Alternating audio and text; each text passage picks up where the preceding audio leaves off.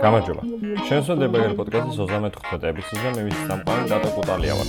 ამ პოდკასტში საუბარია დეველოპერული კულტურის, ტრენდული ტექნოლოგიების და კარიერული ზრდის შესახებ.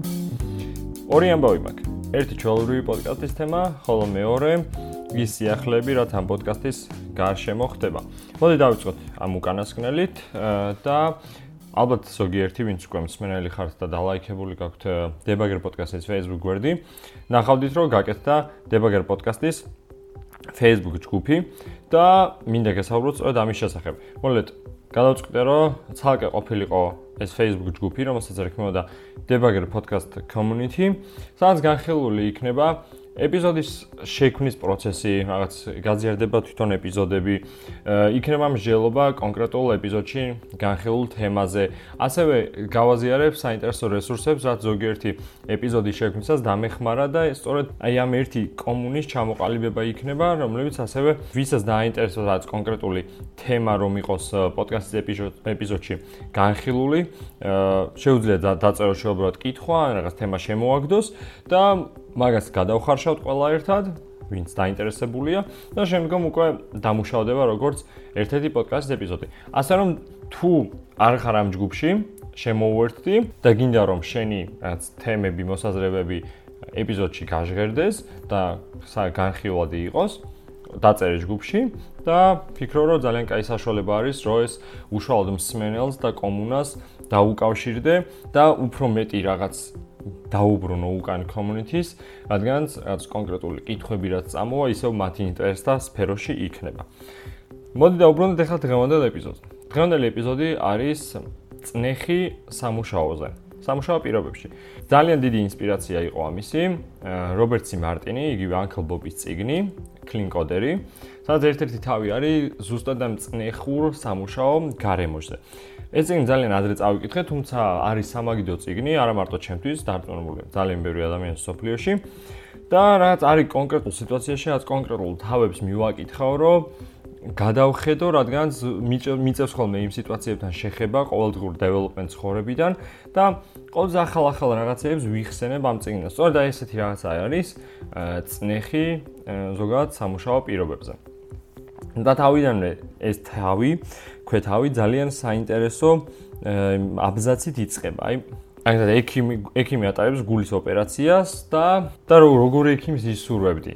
წყნარი და მობილიზებული გირჩევნია თუ აი გაგიჟებული და ცოფებს როყლის ისეთი, რომელმაც არის ზუსტად რა გააკეთოს და შესაბამისად დავალებებსაც ზუსტად ვერ გასცემს მის დამხმარე ექიმებზე და ამ დროს შეიძლება პაციენტი მართლა ჩააკვდეს, ანუ მართლა დედლაინი მოვიდეს იმ პაციენტისთვის ამ საოპერაციო მაგიდაზე. თუ მეორე მხრივ ექიმი რომელიც გაწონასწორებულია და მიუხედავად მთლიანი ამ სტრესული გარემოსის შექმნილი რაც არის, დინჯად მიუყვება მის წინასწარ გაწერილ გეგმას და ცდილობს რომ არ გადაცდეს აი ამ თავის დისციპლინას. იგივენაირად, მაგალითად, შემოხვედრია ძალიან ბევრი, რომ პროფესიონალი დეველოპერი სტრესულ გარემოში ცდილობს რომ სიტუაცია მართოს, ცდილობს რომ თავისი კომუნიკაციის უნარჩვევები გამოიყენოს, დაიხმაროს სხვა გუნდელები, დაიხმაროს ბიზნესის მხარე, რომ გადაიჭრას პრობლემა. და მეორე მხარეს დეველოპერები, რომლებიც ლანძღავენ მენეჯერს, ლანძღავენ ყველაფერს მის რიგული, რადგანაც არასწორი მოლოდინები შეიქმნა, რადგანაც არასწორი დედლაინები გაიწერა და აი ეს ორი განსხვავებული მხარე, ან როგორ დღე და ღამე ისე განსხვავდება ერთმანეთისგან. ძალიან კაი გამოთქმა გამახსენდა ამაზე. აი ესეც არის რობერტ სიმარტინის ციგნის ბოლოში, განხილული ამ თავის ბოლოში. და ადრეც გამომიყენები ამ პოდკასტში ძალიან კარგი რაღაცა არის. როდესაც გიჭირს, როდესაც აი დედლაინთან ხარ მისული და თუ შეცვლი იმ დისციპლინებს და ტექნოლოგიებს, რასაც ჩვეულ რეჟიმში იყენებდი, ესე იგი არენდობი იმ მიდგომებს და დისციპლინებს. შენ თუ ცდილობ რომ რაც შეიძლება clean კოდი დაწერო, ცდილობ რომ გამოიყენო ის ძირითადი პრინციპები, როგორც არის solid dry, ყველაფერი შვიდობიან პერიოდში, როდესაც არ გიჭირს და როდესაც დედლაინები მოვა და ამ ყველაფერს დაივიწყე და მაშინვე გადაერთვები იმ რეჟიმში, რომ რაც შეიძლება მალე დაასრულო ფიჩერი. ამ შემთხვევაში ეს ნიშნავს, რომ შენ არენდობოდი იმ მიდგომებს და არენდობი რეალურად იმ ტექნოლოგიებს და დისციპლინებს, რასაც იყენებდი შვიდობიან პერიოდში. და ნიშნავს, რომ ეს არის შესაძლებელი. სწორედ ეს მეტყოლებს, რომ სტრესულ სიტუაციაში შენ თავს ვერ გზნობ თავდაჯერებულად. პირველ რიგში უნდა ავირიდოთ სტრესული სიტუაცია. ვიცი, ვიცი, სუპერ ბანალურად ჟღერს. რა თქმა უნდა, სტრესი არავის არ გიყვარს და ყველას გვინდა რომ ავირიდოთ ეს სიტუაცია, რაზეა საუბარი. ძალიან მარტივია. მაგრამ მოდი აი ასე დავანაწევრებ ხა ამ წინადადებას, ანუ ავირიდოთ პასუხისგებლობა იმ სულელური დედლაინებისგან, რაც არ შეესაბამება რეალობას. აი ეს უფრო სწორად ჟღერს. ანუ არ ავიღოთ პასუხისგებლობა იმაზე, რაც ანუ რაც არარეალისტური არის. ანუ თუ მეტყვიან რომ 16 სართულიანი корпуსი უნდა ააშენო 5 თვეში, რა თქმა უნდა ვიტყვი რომ არა, ანუ არ ვიცი მნიშვნელობა არ აქვს შენებელი ინჟინერი ვარ თუ რა, ანუ არ ვიცი რა ქვია იქ რანგებს, მნიშვნელობა არ აქვს, იმიტომ რომ არარეალურია. შესაბამისად, ვეცდები რომ გავეცალო ამ ყველაფერს პასუხისმგებლობა არ ავიღო. აი ძველ ეპიზოდში მაგ ამაზე ნასაუბრები ის რობერტ სი მარტინის წიგნიდან არის, როგორ შეიძლება ვთქვათ რაღაცაზე კი, და არა. აი ძალიან კარგად არის ნაჩვენები როგორ შეგვიძლია რაღაცეებიდან თავის დაძვრენა ამ პირიქით როგორ შეგვიძლია პასუხისმგებლობა ავიღოთ ჩვენს უკვე ნათქვამ და გაკეთებულ რაც ქმედებებზე. ერთი ძალიან ძალიან კარგი ასეთი გასააზრებელი მომენტი არის ის, რომ ჩვენ პროფესიონალი დეველოპერები ზად ვართ და უნდა დავეხმაროთ ყოველთვის ბიზნესს, რომ მიაღწიონ თავიანთ საწადელს ანუ თავიანთ მიზნებს, ანუ რეალურად ჩვენი მოვალეობა კომპანიაში გარდა კოდის წერისა. არის რომ ბიზნეს უნდა დავეხმაროთ, რომ იყოს წარმატებული და მიაღწიოს იმ თავის მიზნებს, არის კვარტალური მიზანია თუ ყო რაც გინდა იყოს. მაგრამ ამავდროულად ჩვენ არ უნდა ავიღოთ ისეთი პასუხისგებლობები, რომელსაც ბიზნესი აქვყიდებს, ანუ ბრმად არ უნდა ავიღოთ. მაგალითისთვის, ჩვენ პასუხისგებლობა არ უნდა ავიღოთ ისეთ რაღაცაზე, რაც ბიზნესი დაპირდა მაგალითად კლიენტებს დაპირდა რაღაც სხვა დეპარტამენტებს რომ ეს გაეშვებოდა ამ დროს აი ასეთი ფიჩერი ჩვენთან კონსულტაციის გარეშე და რეალურად აღმოჩნდა რომ ეს შეუძლებელია ანუ არ კეთდება ამაზე. ჩვენ აი ამაზე პასუხისგებლობა არ ვართ ვალდებული რომ ავიღოთ.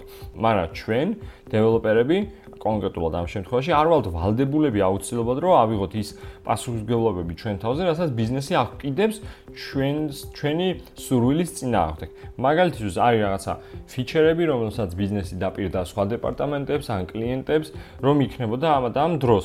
თუმცა ტექნიკურად ეს ამ დროში ვერ ესწრება, ამაზე ჩვენთან კონსულტაცია არ ყოფილა, რაღაც შეთანხმება და შესაძლოა ჩვენ არ ვალთ ვალდებულები, რომ ბრმა დავიღოთ აი ამაზე პასუხისმგებლობა. და მაინც საბოლოოდ ყოველთვის უნდა ვიცავთ რაღაცა გზა გამოუნახოთ რომ დავეხმაროთ ბიზნეს მიაღწიოს თავის მიზანს. თუ ამ გზას საერთოდ ვერ უპოულობთ და როგორც თქვი რომ ისეთი რაღაცები მოხდა რა ჩვენთან საერთოდ არ იყო შეთანხმებული და არც რეალურობის ფარგლებში არ ჯდება მაშინ პასუხისგებლობას იღებს ის ხალხი ვინც ეს შეთანხმებები დადო. არც მეტი და არც ნაკლები. რადგანაც ის ხალხი, ვინცაც ქონდა უშუალო შეხება ამასთან და შეეძლო სხვა გუნდთან კომუნიკაცია, კერძოდ დეველოპერებთან, კერძოდ თქვათ მარკეტინგის დანაყოფთან, კერძოდ სხვა ანალიტიკოსებთან და აი ამ მთლიანი წრე შეეკრა, რომ ვადები დაეზუსტებინა აი ამდენ ხანში ეს გაკეთდება, აი ასეთი დაგეგმა ჭირდება და ერთელი ინფორმაციის გადამუშავების საფუძველზე დაეგეგმა შემდგომ შესაფერისი კამპანია ეს თუ არ გააკეთა და ჩვენ ამ საერთოდ რეალობის საზღვრებთან ახლოს არ ვართ და რაც არ უნდა ვიშრომოთ, ხო? თუნდაც კვირაში 80 საათი ვიშრომოთ და მაინც ვერ დავასრულოთ ეს, ხო? ნიშნავს, რომ ჩვენ პასუხისმგებლობა ამ შემთხვევაში არ უნდა ავიღო და იღებს ის ადამიანი, ვინც უშუალოდ აი ეს დაპირებები გააკეთა. ეს არის და ეს. კიდევ ერთი აი მწნეხურ სამუშაოზე ხშირად არის, რომ მიდის რაღაცეების გაწირვა, როდესაც არის წნეხური სამუშაო. კონკრეტულად, რადგანაც დეველოპერები ვართ, ყველაზე მეტი შეხება გვაქვს კოდთან და მოდი ვისაუბროთ კოდის გადმოსახედიდან.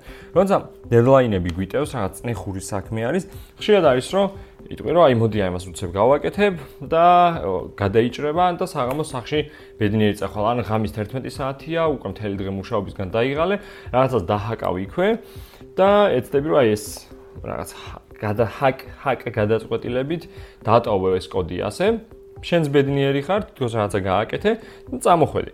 პროექტის მუშაობს ბიზნესის ბედნიერია. მაგრამ ამას გრძელ გარბენზე აქ უფრო დიდი და დამანგრეველი მნიშვნელობა ვიდრე კონკრეტულად ამ ერთი პატარა ფიჩერის ფარგლებში, რადგანაც მე მთელი გუნდი ნიშნავს რომ ჩართული უნდა იყოს და აი ამ რაღაცა შექმნილ არეულობა უნდა გაასწოროს და მოწმინდოს. ამიტომ ყოველთვის კარგი არის რომ ოდნავ გაიწელოს ეს ფიჩერები და ტემპი ოდნავ დავარდეს, რაც ნიშნავს რომ უკეთესად უფრო ნაკლებ სიბინძურეს დავტოვებთ კოჩი, ნაკლებად მივახლაფორთებთ რაღაცაებს დედლაინის წინ და კვირანახევარი შემდგომ მუდმივად არ დავხარჯავთ რომ გავასწოროთ ეს რაღაცები, ანუ როგორც ვთქვი, ცოტა გაიწელოს, უფრო მეტი დრო დაუთმოთ, რომ რაღაცები სუფთად დაიწეროს და თითოეული იტერაცია იყოს უფრო სუფთა. იმის წინააღმდეგ, რომ ძალიან მალე გავაკეთოთ რაღაცა, შემდგომ კვირანახევარი ვასუფთავოთ მთელ ვაგონმა. ისევ ძალიან სწრაფად გავაკეთოთ რაღაცა, შემდგომ ტემპი დავაგდოთ და ისევ წმინდოთ ჩვენი ნაწერი კოდი. ყველაზე კარგი ამ სტრესის დროს არის რომ ერთი აკონტროლო ძილი, რომ იყო გამოძინებული და შენ შეგეძლოს რაც შენი ხარისხიანი სამუშაო შეასრულო, ტემპის კონტროლი, რაც ყველაზე მნიშვნელოვანია, რომ არ აყვე ნებისმიერ იმ გამოძახის გონებისას, რომ აი ეს უკეთესი იქნება და ასე გავაკეთებ, რეალურად ტემპის კონტროლია და გუნდელების პატივისცემა, რადგან რაც არ უნდა იყოს, კარგი თუ ცუდი ამბავი, შენი გუნდი შენს გვერდით დაგჭირდება ყოველთვის. და ეს არის რაც დაგვიხსნის რეალურად გადაწვისგან და წნეხისგან. აი გუნდელების დახმარება გადაწვაზე და ზოგადად ამ საკითხებზე უკვე წინა ეპიზოდებში მქონდა ამაზე საუბარი.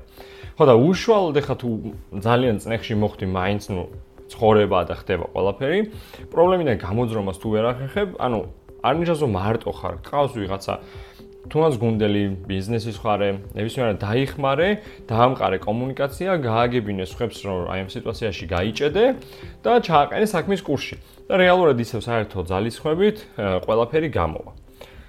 ეს იყო დღევანდელი ეპიზოდის ძირითადი თემა. დიდი მადლობა ყურადღებისთვის. კიდევ ერთხელ გთხოვთ, რომ დაალაიქოთ Facebook გვერდი და შემოვერთეთ იმ Facebook ჯგუფს Debugger Podcast Community-ს, რომელსაც აუცილებლად დავლინკავ.